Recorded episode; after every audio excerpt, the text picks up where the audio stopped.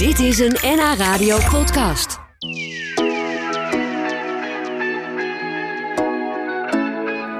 De gelauwerde schrijfster Yvonne Kronenberg werd vooral bekend door haar boek Alles went behalve een vent. Maar ze rust niet op haar lauweren. Nee, in tegendeel. Onlangs verscheen weer een nieuw boek. De bundel Leven voor Gevorderden, zo heet hij. En uh, Yvonne is vandaag bij mij te gast. Dat vinden we heel leuk. Welkom Yvonne. Vind het ook heel leuk. Ja, leuk je weer eens te zien. Want je bent wel eens eerder bij ons geweest. Toen had je het hondje bij je, Casey. Die is er nu niet? Die is even wandelen. Oh, die is even Met mijn wandelen. Man dan eens uitlaten. Ja, dat heb je even goed geregeld inderdaad. En eh, hoe gaat het met je? Het gaat goed. Ja? Ja, het gaat goed. Je was gisteren jarig, zag ik. Ja, ook dat. Gefeliciteerd nog. Dat doe ik nooit zo vreselijk veel. hè. Nee, dat gaat gewoon voorbij. Ja, ik weet ook niet wat voor gezicht je erbij moet trekken. Nee, het is gewoon, eh, het is gewoon zoals het is. Ja. ja. En wil je nog met ons delen hoe oud je bent geworden? tuurlijk. Of 73. 73. Ja. Nou, mooie leeftijd toch? Joh, iedere leeftijd heeft wel wat. Ja, ja. Maar je nou, schrijft... ik vond 15 niet leuk hoor.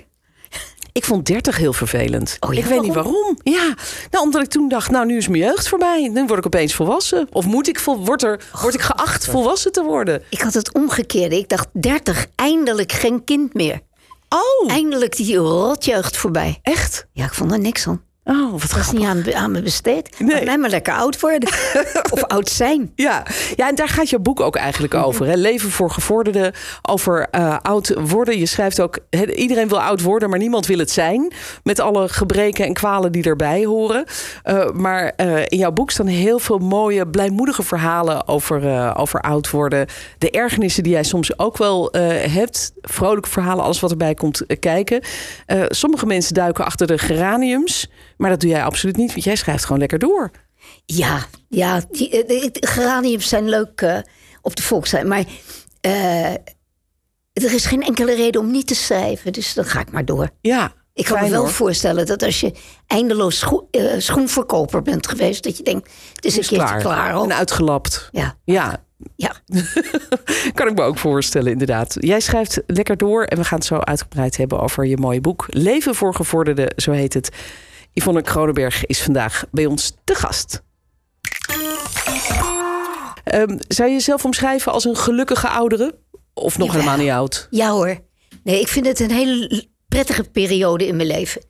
Hij is echt aan besteed. Ja? En de nadelen vind ik niet zo erg. Nee, en, en, en hoe komt dat, dat, dat... Veel mensen zeggen natuurlijk van... ja, de ouderdom komt met gebreken. Ik vind allemaal maar niks. Maar, maar dat gevoel heb jij Eh, dus niet. die oude lullenpijn, die is er wel. Dus als je dat eigenlijk alles kraakt, als je opstaat, dat je denkt, auw, auw. Je kunt de hele dag wel auw, auw zeggen. Maar eh, er is, jong zijn is veel, veel moeilijker. is een veel moeilijkere opdracht. Je weet minder.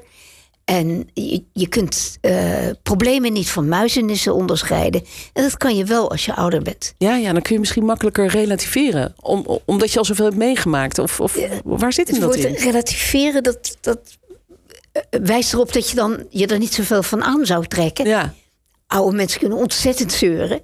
En, eh, maar ze weten wel dat het muizenissen zijn. Ja, ja. Ze, ze, ze weten heus wel het onderscheid. Alleen ze trekken zich er niks van aan.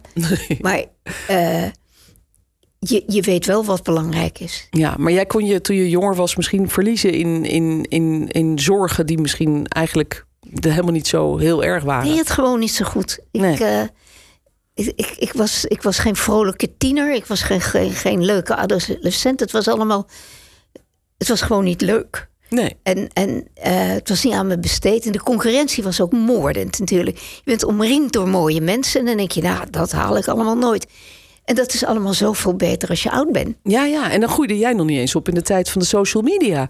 Dus je had niet de hele dag eh, ook nog foto's op Facebook en op Instagram om je daarmee te vergelijken, zeg maar. Nee, maar je hoeft er maar om je heen te kijken. En als kind werd ik gepest. En dat gevoel van ontoereikendheid, dat heb ik heel lang met me meegedragen. Ja, ja. En dat is nu niet meer belangrijk. Nee. Ik ben, iedereen is te ontoereikend. Wat maakt het uit? Ja, we zijn allemaal oud en gebrekkig aan het worden. Dus eh, Ja, hoor. de- ja, dat is, dat is eigenlijk een hele eh, bijzondere manier om er naar te kijken. Want veel mensen die zeggen natuurlijk, ja, maar ja, maar ja, hè, als je ouder wordt, wordt het allemaal minder. Maar jij zegt dus eigenlijk, nee, het wordt eigenlijk beter. En vanaf, vanaf wanneer begon dat bij jou dan eigenlijk? Dat die omslag kwam van, hé, hey, het is best wel fijn. 50, begin 60 zo.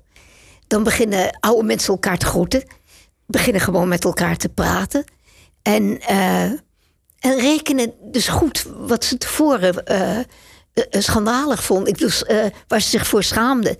Dus dat je, dat je niet meer zo, zo vlot loopt. Of dat je een beetje een bank loopt omdat je pijn hebt. En nou denken van ja, dat, dat heb je nou eenmaal. En dan moeten we erom lachen. Ja, ja, ja. Het begon ook een beetje met de overgang, die zo na de vijftigste. Dat vrouwen die, die je de hele tijd vestje aan, vestje uit ziet trekken, die hadden oogcontact. En dan, eh, ja, meid. Er ontstaat een soort solidariteit eigenlijk. Ja, en die is, bestaat ook tot op zekere hoogte onder oude mensen. Ja, ja. Je kunt een, eh, een, een oud mens, al- als je zelf de leeftijd hebt, gewoon aanspreken. Dan zullen ze niet zeggen, hè, wat doe jij nou? Nee. Je Je praat makkelijker met elkaar. Ja, veel makkelijker. Ja. Gaat gewoon een praatje beginnen. Ja. Wat grappig, hè? Dat het, eigenlijk zou het, is het zo jammer dat dat niet al veel eerder kan. Nou, dat kan wel als je ziek bent. Zieke mensen doen het ook met elkaar. Ja, is dat zo? Ja, ja, als je jij bent zelf bij het geweest, komt, de kankerkliniek, daar eh, kan je ook iedereen gewoon. Eigenlijk, het wordt niet zoveel gedaan, omdat iedereen eh, grote zorgen heeft. Maar als er gepraat wordt, dan is het meteen ook eh, heel indringend. Ja, Dan ga je echt wat zeggen tegen elkaar. dat geloof ik graag inderdaad. Ja, het lijkt wel alsof eh, dan als je heel ziek bent of als je ouder wordt... de, de verschillen meer wegvallen Ja. en het over andere dingen gaat. Nou, dat bedoel ik met dat je, dat je hoofd- en bijzaken beter uit elkaar kunt houden. Ja. Toch wordt er ook vaak geklaagd door ouderen. Eh, daar Ja, schrijf je heel veel. Je hebt hele grappige verhalen en observaties in het eh, boek opgeschreven. Eh, en daarin onder andere dat verschijnsel dat de ouderen soms alleen maar over hun kwaaltjes praten. Dat, dat, dat, vind jij dat irritant? Of Nee, kun je het ook wel begrijpen? Nummer één heb ik een enorme medische belangstelling. Ja. Er, is, er is echt een, een dokter aan mij verloren gegaan. Maar ik lees bijsluiters. Ik trek ze uit je handen als je ze hebt. Eh, maar het, het- je moet je ook voorstellen, dat is wat we meemaken. Ja. Eh, hoe je lichaam functioneert. Je kunt, het is heel normaal om elkaar te vragen. En de gezondheid. ja.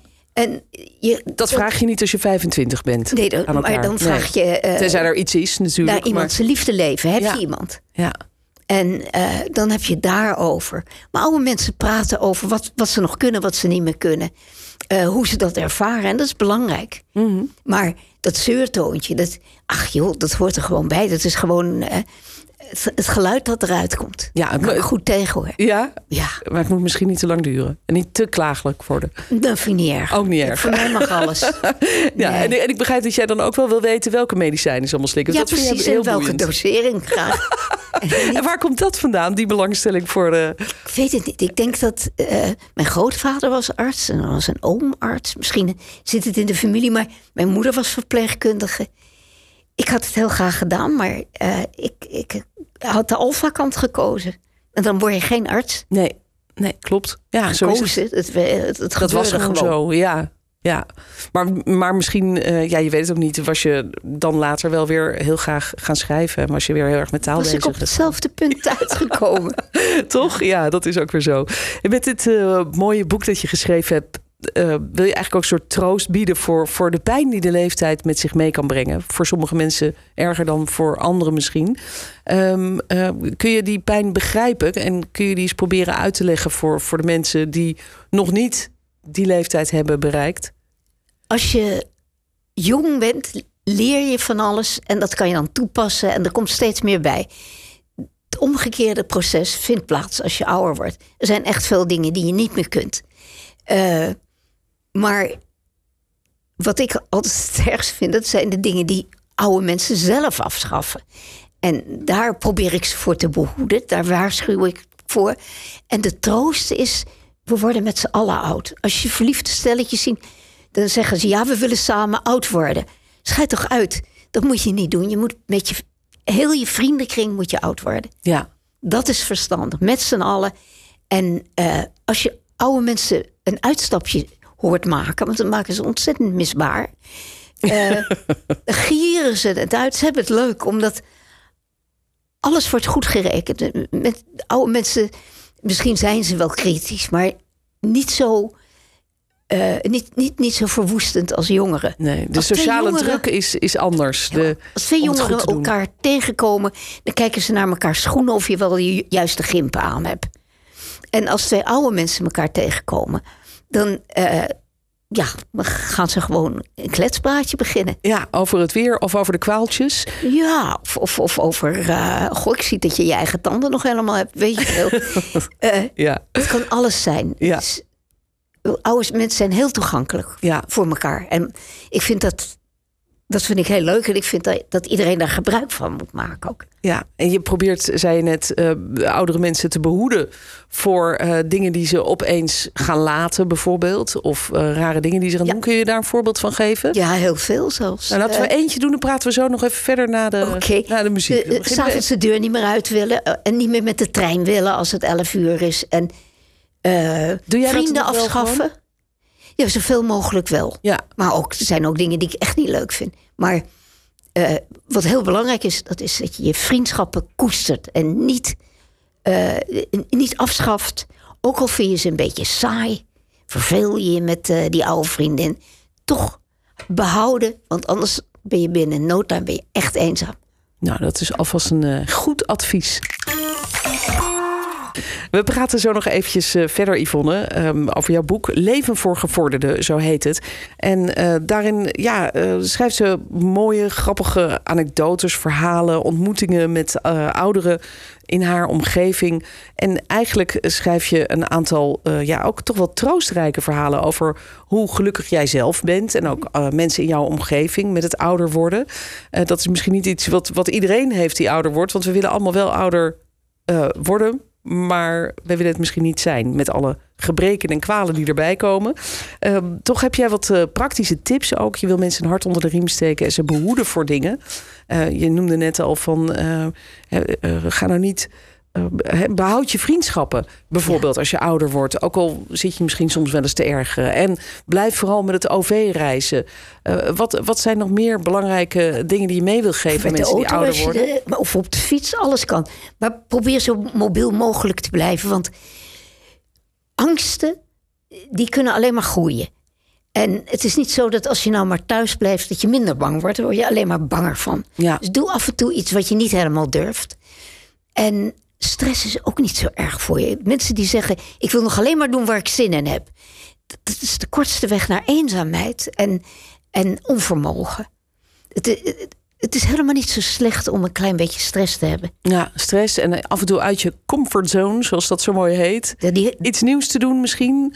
Nou, nieuwe dingen doen is altijd. Daar hebben we Erik Scherder voor om uh, uh, dat soort uh, raadgevingen. Maar ik ben al blij als je, als je gewoon het jezelf niet alleen maar gemakkelijk maakt. Ja, blijf jezelf een beetje uitdagen.